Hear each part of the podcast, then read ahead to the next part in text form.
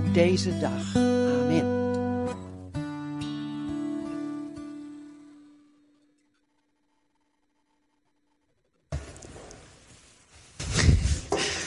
We hebben altijd een beetje discussie of we boven het podium gaan staan of voor het podium. Maar mag ik vooraan gaan staan? Ja, mag dat? Super. Is wel erg hoog. Ja. Goedemorgen allemaal.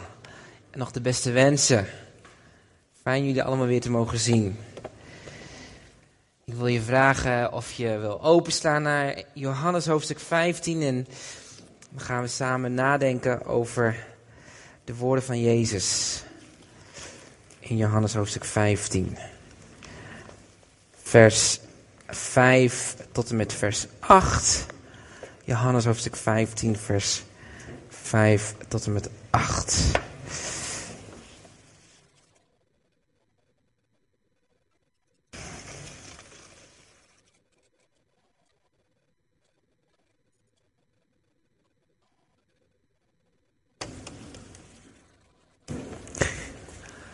Zo, die staat stevig. en ik lees hem uit de basisbijbel. Johannes 15, vers 5 tot en met 8. Ik ben de wijnstok en jullie zijn de takken, zegt Jezus. Als jullie in mij blijven en ik in jullie blijven, zal er veel vrucht aan jullie groeien. Want zonder mij kunnen jullie niets doen. En als jullie niet in mij blijven, verdrogen jullie. Verdroogde takken worden immers vergegooid en verbrand. Maar als jullie in mij blijven en mijn woorden in jullie blijven, zullen jullie alles krijgen wat jullie vragen.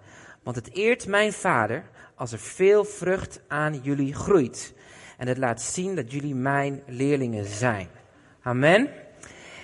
Ik wil je vanochtend spreken over bloeien waar je geplant bent. Bloeien waar je geplant bent. Uh, vorige week hebben we oud en nieuw gevierd. En uh, ik weet niet of je uh, dit jaar ook een goede voornemen had bedacht voor jezelf.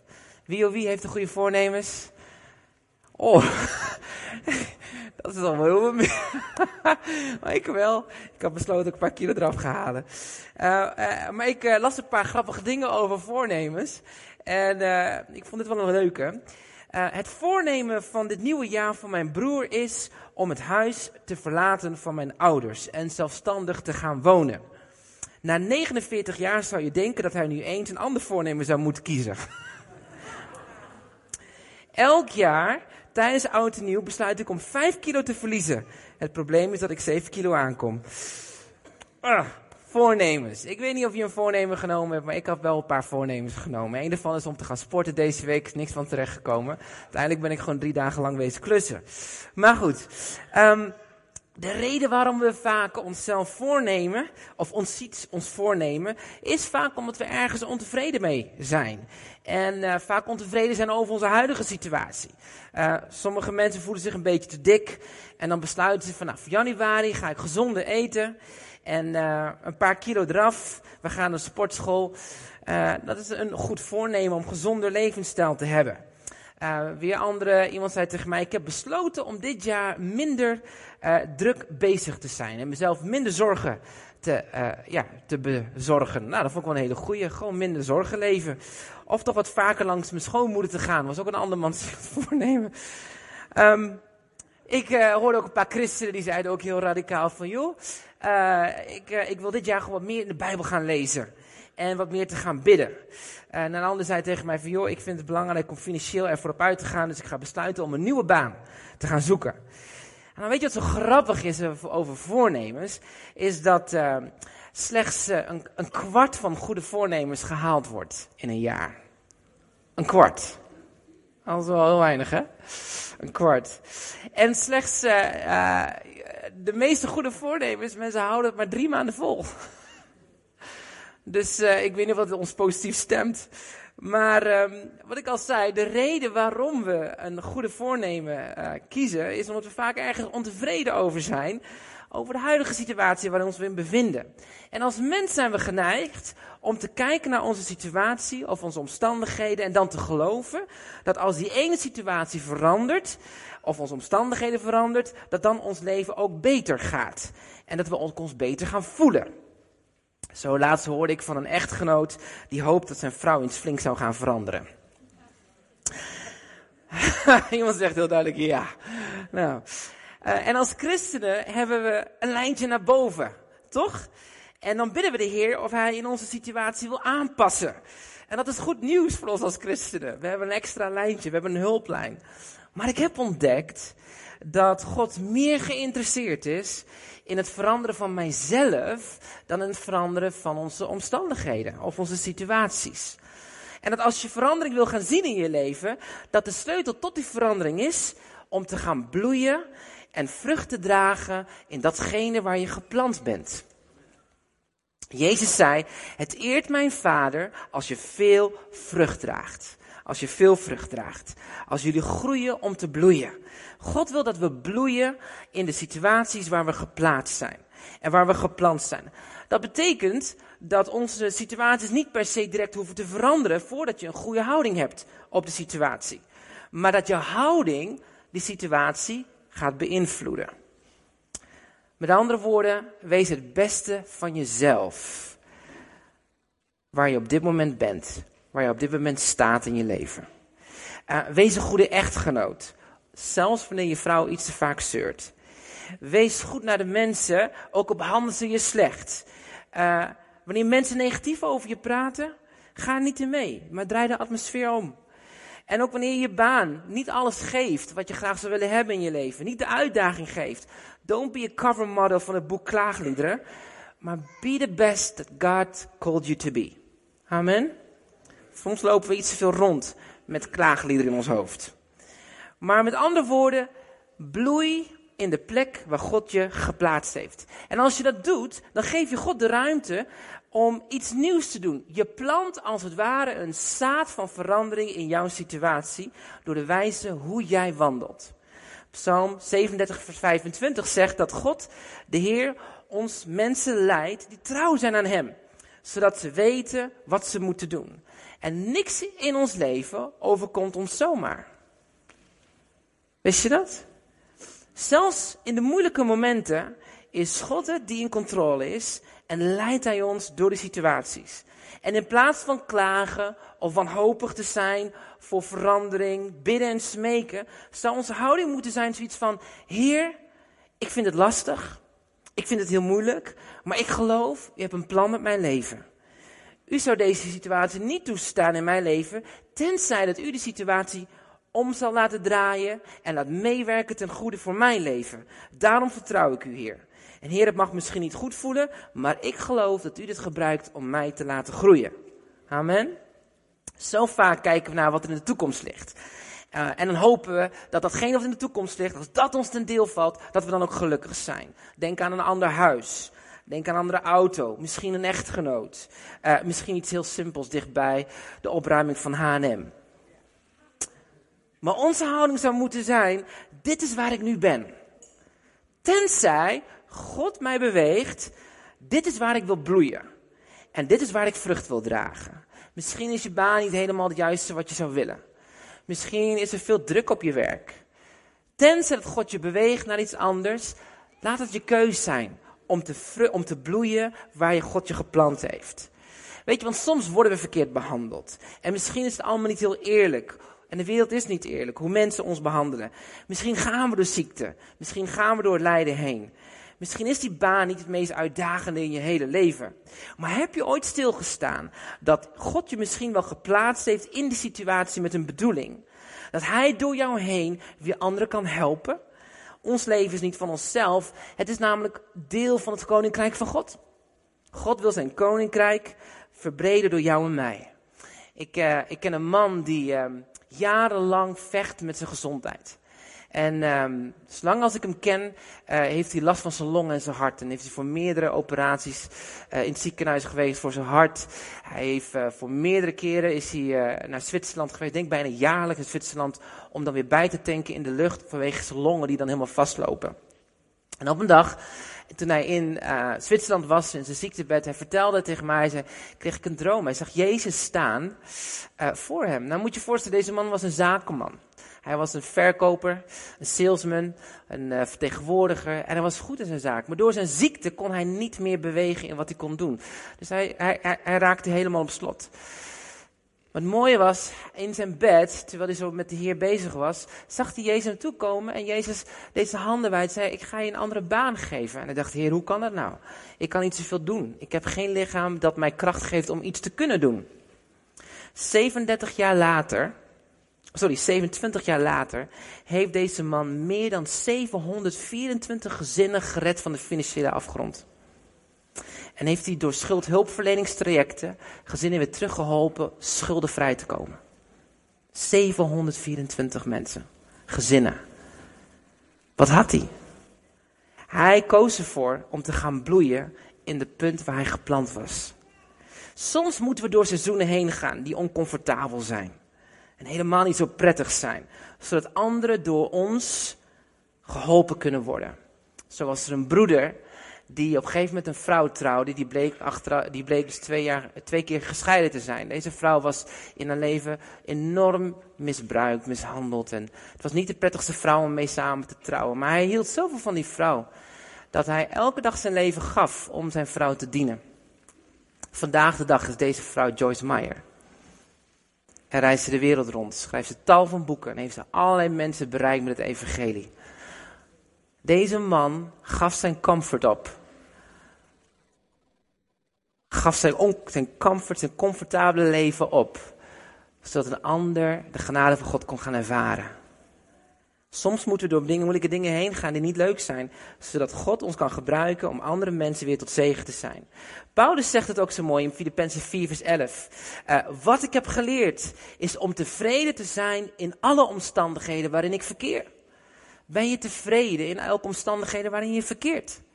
Oh, zo vaak dan uh, scrollen we even weer Marktplaatsland. Van, oh, die stoelen zijn wat leuker. Of kijken even op de autoweek. Oh, die auto is wat mooier. Of als ik dit maar heb, als ik dat maar heb. Maar God daagt ons uit om tevreden te zijn in alle omstandigheden waarin je verkeert. Hoe kunnen we nou bloeien?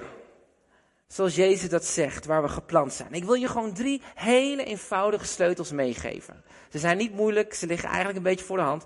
Maar uh, uh, ik wil je ze geven. Nummer 1. Gaan we kijken naar Colossense 2, vers 6 tot en met 7. Colossense 2, vers 6 tot en met 7.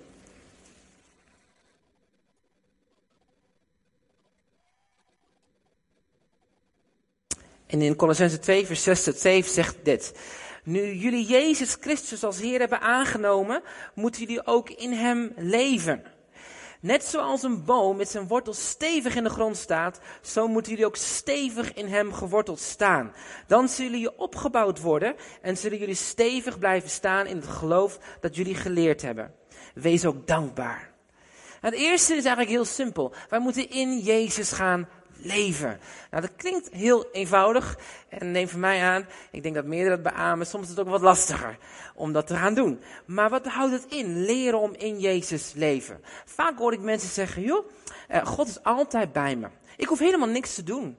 Weet je, hij is altijd, als ik geen zin heb om te bidden, als ik geen zin heb om de, de Bijbel te lezen, dan is geen probleem. Weet je, God is altijd bij me. En hij zal altijd voor me zorgen. En dat is waar. God is ook altijd bij ons. En hij is ook altijd om ons heen.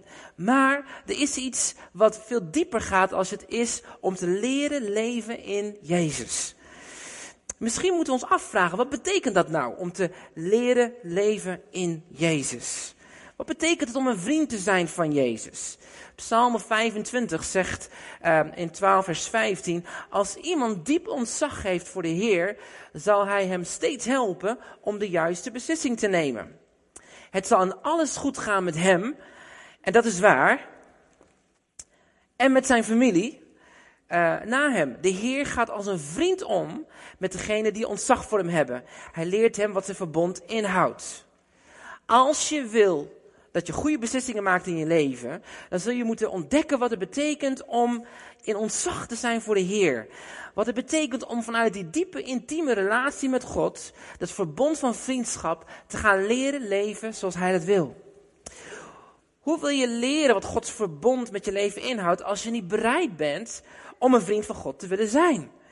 En ik denk dat niemand van ons in een vriendschap zou investeren als het niet van twee kanten zou komen, toch? Toch? Ja. Ik zou niet investeren in de vriendschap als het alleen maar van mijn kant komt. Je wilt tweerichtingsverkeer hebben. En in dezelfde manier is het ook met God zo. Hoewel God natuurlijk oneindig in zijn liefde is. En oneindig is in zijn liefde naar ons en genade naar ons. En wij natuurlijk veel vaak tekort komen. Maar God verlangt ernaar dat het wederkerig wordt. Dat het wederkerig wordt. God belooft jou te helpen. Maar hij zoekt ook een vriend. En de vraag aan jou en mij is, wil je een vriend van hem zijn? Wil je niet zomaar achter hem aan wandelen? Of simpelweg onder zijn regeltjes leven of boven zijn regels leven, maar wil je met hem leven? Niets voor niets is zijn naam Emmanuel, God met ons. En met ons betekent dat je verbonden mag zijn met God. Um, Sari, kan je me heel even vijf seconden helpen? Sari is God. Ja, dat, dat is echt, het straalt de liefde van Jezus uit. En ik kan, ik kan kiezen om om, om ver achter God aan te gaan. Want ik geloof wel in Hem, maar de, afstand, toch? Ik sta hier, ik geloof God, ik bid ook af en toe, Heer, wilt u ook in mijn leven komen? Dank u wel voor me zo. God is altijd bij me. Ik kan natuurlijk ook zeggen van, nou joh, God, super, doe even mijn eigen ding. Oh ja, oh Heer, nog wel even, wilt u me zegenen dat ik dit doe? Wilt u me helpen dat ik het goed... Ja, ik vind het meisje heel erg leuk hoor. Ja, ik vind Tamara super gaaf. Ik zou ermee willen trouwen, maar uh, ja. Ja, ik doe even mijn eigen ding. Het wel, u, weet of het jullie willen is, maar zegen mij maar, Heer, want u bent voor mij. Nee, als we praten over vriendschap met God, dan gaat het veel, dan is het dit wat God wil. Dit. Snap je? ik snap waarom Hans getrouwd is. Hè? Dankjewel, zij. Maar het gaat om die diepe verbondenheid met Hem. Om te wandelen met Hem. En, en dat gaat dus ook terug dat je leert wie je bent in Jezus. Uh, en het gaat veel verder dan wat ik alleen maar graag zou willen doen of whatever. Nee, ik, ik, ik wil zijn hart horen. Ik wil bij hem komen. Um, sommige mensen die komen binnen in de kerk en dan denk je, nou, lekker zitten. En laat die muziek maar over me heen gaan. Ja, dat is goed, dat mag. Maar wat betekent het om terug te reageren met je aanbidding naar de Heer? Om je handen op te heffen. Om te vertellen hoeveel van je. Het is toch heerlijk als je hoort van jouw vrouw of je vriendin. Of van je man of je, hè, je vriend. Of hè, dat je terug hoort van je kind. Hoeveel je betekent. Voor hem of haar. Nee, maar vaak zitten we. Heer, wilt u me maar vertellen hoeveel hij van mij houdt? Maar een vriend wil luisteren naar het hart. Hetzelfde hoofdstuk Johannes 5 zegt, weet je, ik heb in een vertaling zegt dat ik heb de geheimnissen van mijn hart met je gedeeld. Het gaat een stapje verder. God daagt ons uit om die vriendschap met hem aan te gaan. Ik geloof dat we geworteld moeten zijn in Jezus om te kunnen gaan bloeien. Ik heb ook ontdekt dat als ik dat minder doe, uh, en, ik, en ik neem niet tijd met hem, of ik neem niet tijd om bij Jezus te komen, om die relatie met hem op te zoeken, dat je ook mijn, dat je, je blaadjes een beetje door worden. Hè? Dat is ook weer zoiets grappigs. Het tweede wat ik je mee wil geven is wat Psalm 1 vers 2 tot en met 3 zegt. En dat zegt als volgt. Het is heerlijk als je geniet van Gods woord. Van Gods wet. En dat je daar dag en nacht over nadenkt. Want daardoor zul je lijken op een boom die aan het water geplant is. Waar vruchten aangroeien als er daar de tijd voor is. Waarvan de bladeren nooit verdrogen. Je zal succes hebben bij alles wat je doet geworteld zijn in het woord. Het is een mooi boek. Af en toe heb ik mijn uh, flashy uh, notificatie op mijn iPhone met de Bijbeltekst van de dag. Heb ik hem gelezen. Eigenlijk ben ik soms een beetje te druk. Hè? Gaten wekken, roetje de kinderen naar school, alles op en eraan. Nou, misschien heb je daar nog geen last van als je single bent. Maar ik heb ontdekt dat wat je, of wat is het waar je naar je luistert, hè? Waarmee vul je je hart? Want waar je hart mee vult, bepaalt wat er groeit in je leven. Want het is heel makkelijk om een avondje te gaan Netflixen en de meest leuke serie te gaan kijken over moord en doodslag en echtbreken. Dan dat je tien minuten Gods woord gaat induiken en gaat leren ontdekken wat Gods woord zegt. Sommigen vinden het helemaal geen probleem om de hele middag en avond op de Playstation te gaan lopen gamen. Maar vinden het lastig om maar één of twee minuten gewoon die Bijbel open te slaan. Maar, maar waar je hart mee vult, dat is waar je uit gaat leven. Dus onthoud één ding. If you put junk in, junk comes out. Dus wanneer we tijd nemen om Gods woord te lezen, dan was het onze gedachten schoon. Het zorgt ervoor dat je gaat groeien. Dat je gaat ontdekken wat Gods wil is. Dat je gaat ontdekken wat waar is en wat rein is en wat lof verdient en deugd verdient. En dan kan je het ook bedenken. Dan kan je er ook naar gaan handelen. Maar sommige mensen zeggen, ja, maar dat klinkt zo wettisch als ik Gods woord moet lezen. Nee, de Bijbel zegt niet dat het wettisch is. Het is een respons van ons hart. Als we begrijpen wat voor liefde God ons geeft. Dan willen we Hem kennen van hart tot hart. Dat is geen wet, maar het groeit. Ik heb ontdekt dat uh, voor mezelf, dat uh, al zou ik maar gewoon mijn wekkertje zetten van 10 minuutjes, mijn bijbeltje pakken en ik doe gewoon 10 minuutjes op mijn iPhone, doe mijn, mijn wekkertje, mijn alarmklokje, een timer, die zet ik dan aan, 10 minuten ga ik zitten, pak een kop koffie en ik ga lezen. Dat ik vaak denk van, oeh, die 10 minuten al voorbij. Maar ik kan zo meer teren op die 10 minuten, dan dat ik een hele avond heb genetflixt. En naar bed gaan en denk ik mezelf, oh, ik voel me nog steeds moe. Ik voel me nog steeds blah. Weet je, hardlopen is natuurlijk ook leuk. Kijk, ik vind hardlopen ook heel leuk. En eerder liep ik altijd hard en dan had ik gewoon mijn Spotify op. Woep, en hardlopen. En dan de meest leuke liedjes erop. Op een gegeven moment dacht ik, ik kan toch veel beter doen. Ik kan beter gewoon, God, gewoon de Bijbel laten horen terwijl ik hardloop. Ben je aan het hardlopen en je hoort Gods woord. Hoe vet is dat? Ik heb zelfs ook ontdekt dat je het namelijk twee keer zo snel kan doen. Als je namelijk je, je app hard, uh, uh, koppelt op je telefoon, op je auto bijvoorbeeld, kan je de Bijbel twee keer zo snel laten afspelen. Dat klinkt heel raar, maar die man gaat dan heel snel praten. Maar ondertussen wen je eraan terwijl je auto rijdt en je luistert naar Gods woord. Voor je het weet heb je het hele Bijbelboek uit. Heerlijk. En het grappige is dat wanneer je het nodig hebt, de Heilige Geest die woorden vaak terughaalt in je hoofd. Amen. We groeien door te wortelen in zijn woord, door te na te denken over de wet. En dat wet is niet alleen met tien geboden, maar is door het woord van God wat leven geeft in ons. Want zijn woord is een lamp voor ons voet en een licht op ons pad.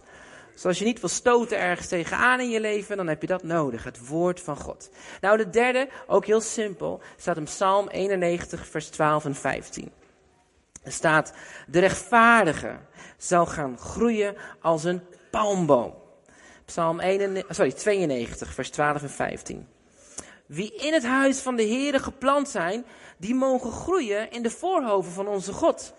In ouderdom, Jeroen, onthouden, zullen zij nog gaan vrucht dragen. Halleluja.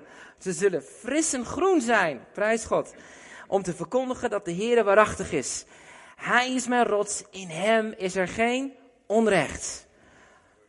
Halleluja. Nou, dat doet het veel beter dan Nivea. Toch? Je zult bloeien in ouderdom. Groeien. Wanneer je geworteld bent in het huis van God, in het huis van de Heer. Um, soms dan um, vinden we onszelf een beetje te druk, hè? Of zijn we een beetje te moe uh, dat we de samenkomst maar liever laten gaan. We draaien ons liever nog eventjes om in bed. Want besides, tegenwoordig heb je een goede preek op tv. Of je hebt een geweldige app waar je gewoon je podcast kan downloaden. Maar uh, ik vind God zo ontzettend slim. Dat hij wist natuurlijk al, uh, ruim, 2000, ruim voordat het woord van God schreef, dat er ook tv's en iPads en dat soort dingen zouden ontwikkeld worden. En daarom zegt de Bijbel ook in Hebreeën 10, vers 22 tot 25, dat het belangrijk is om niet de onderlinge samenkomst te missen. Hoe slim is de Heer? Amen. God is zo slim. Hij zegt, mis het niet. Ook al heb je die iPad. Oh, wat, maar juist, kom samen. Um, want waarom had hij dat geschreven? Nou, ik denk dat het belangrijk is dat geloof is niet simpelweg iets individueels. Het is niet ik en de Heer. Het geloof doe je samen. Het is samen op weg gaan. En dat betekent misschien wel dat we ondanks een drukke werkweek, of ondanks dat er veel aan je hoofd is, of ondanks dat er veel vrienden langskwamen gisteravond en je eigenlijk tot te laat naar bed bent gegaan omdat je te diep in het glaasje hebt gekeken, ondanks dat het laat was, dat je bent gaan sporten op zondagmiddag, of ondanks dat je honderd keer bent wakker geworden door je kinderen, of vul maar in, dat je zegt, nee, op zondag kom ik naar de gemeente. Waarom? Omdat ik God wil ontmoeten. Omdat ik elkaar wil ontmoeten. En soms heb ik iets meer genade nodig om die ochtend mee te maken. Dat kan best. Maar dank u Heer, uw genade is genoeg. Uw genade is genoeg. Wortelen in het huis van de Heer betekent dat je eigenlijk je verbindt in relatie met God en met elkaar. En daarom is geloven niet iets individueels, maar is verbonden zijn als een lichaam, als een familie. Is elkaar leren opzoeken, elkaar te inspireren. Want in een gemeente behoor je elkaar aan te moedigen. In een gemeente hoor je elkaar te bemoedigen. Hoor je voor elkaar te kunnen bidden. Mag je huilen, mag je lachen. Mag je gek doen. Mag allemaal. Mag je ook soms de balen hebben hoor. Mag ook. In een gemeente mag je die dingen delen. Maar als we geplant zijn in het huis van de Heer, ook samen ervoor kiezen om elkaar te ontmoeten en de Heer te ontmoeten, dan gaan we groeien door de liefde die onderling beweegt. De Heilige Geest beweegt met kracht in ons midden. En het mooie is dat de gave die God in jou gelegd heeft, tot zegen mag zijn voor eerst in de gemeente. En sommige mensen zitten eigenlijk, ja nee maar John, ik kom in de gemeente, maar niemand komt naar mij toe. Nou dan wil ik je dit zeggen, draai het eens om. Stap jij naar de ander toe? Wanneer heb je voor het laatst uitgestapt naar een ander toe? Ja, maar ik heb mijn leven nog niet op orde. Geen probleem. Je hebt maar vijf brood en visjes nodig. Ga je gang. Stap maar uit. Beweeg. Zegen een ander. Het mooie is, je gaat groeien. Want de Bijbel zegt namelijk in, um, uh, uh, waar is die tekst? In Hebreeën, hoofdstuk 10 vers 22. Uh, dat wanneer we samenkomen, dat we geworteld raken ook in zijn liefde. En er staat ook bij, is samen met alle heiligen. Zul je de hoogte, de breedte en de diepte van de liefde van God gaan kennen. Amen. Groeien. God wil dat we bloeien waar we geplant zijn. Op je werk, in je studie, in je vriendenclub, je voetbalvereniging, thuis, bij je gezin, bij je familie. God wil dat je bloeit. Niet dat je verandert, alleen je omstandigheden direct veranderen, maar dat je bloeit in alle omstandigheden. Heb je ooit wel eens een keer rondgefietst of gereden en je kwam een veld tegen waar je allemaal onkruid zag en daartussen zit zo'n mooie bloem, dat bloeit. Ik heb me wel eens over verbaasd hoe dat, dan, nou, dat het kan, weet je. Dan zie je allemaal onkruid en één keer zie je zo'n mooie bloem daartussenin liggen in zo'n veld. Ik geloof dat God jou en mij bedoeld heeft als zo'n bloem om te bloeien in een veld waar onkruid is. Om een zegen te zijn voor anderen. Weet je, wij staan voor een nieuw jaar. Een nieuw jaar. En er zijn nieuwe kansen. En we moeten niet naar 2018 kijken door de bril van 2017. Die moet je gewoon wegdoen. Het is gedaan, je kan niks meer veranderen. Maar 2018 is een jaar dat God wil komen in jou en mijn leven. En iets nieuws wil doen. De Bijbel zegt, namelijk in Jesaja 43, dat God iets nieuws wil laten ontspringen, laten groeien in ons leven. En ik geloof dat God nieuwe dingen in jouw leven wil leggen. Als wel in mijn leven om te groeien, zodat we mogen gelijken op Hem. Amen. Bloeien, waar je geplant bent. God, dat we bloeien in onze relatie met Hem. Geworteld in Hem. Geworteld in het Woord. En geworteld in het huis van de Heer. Dat betekent dat als iedereen zou komen elke zondag, dat we toch wat stoeltjes bij moeten gaan zetten. Want dat houdt het in, hè? Wortelen. Leren wortelen. Ik kan dat niet door je strot drukken, ik kan niet zeggen dat je moet doen. Maar het is een keus van je hart. Maar ik geloof je dit. Wanneer je gaat wortelen in Jezus, of gaat wortelen in zijn woord, en gaat wortelen in de gemeente, dan geloof ik dat je gaat groeien. En dan weet ik 100% zeker dat 2018 een jaar zal zijn dat je denkt bij jezelf, is dit allemaal gebeurd? Is God zo goed voor mij geweest? En zullen we zeggen, yes. Amen. Amen. Heb je het ontvangen? Laten we onze ogen sluiten. Dank u, Jezus.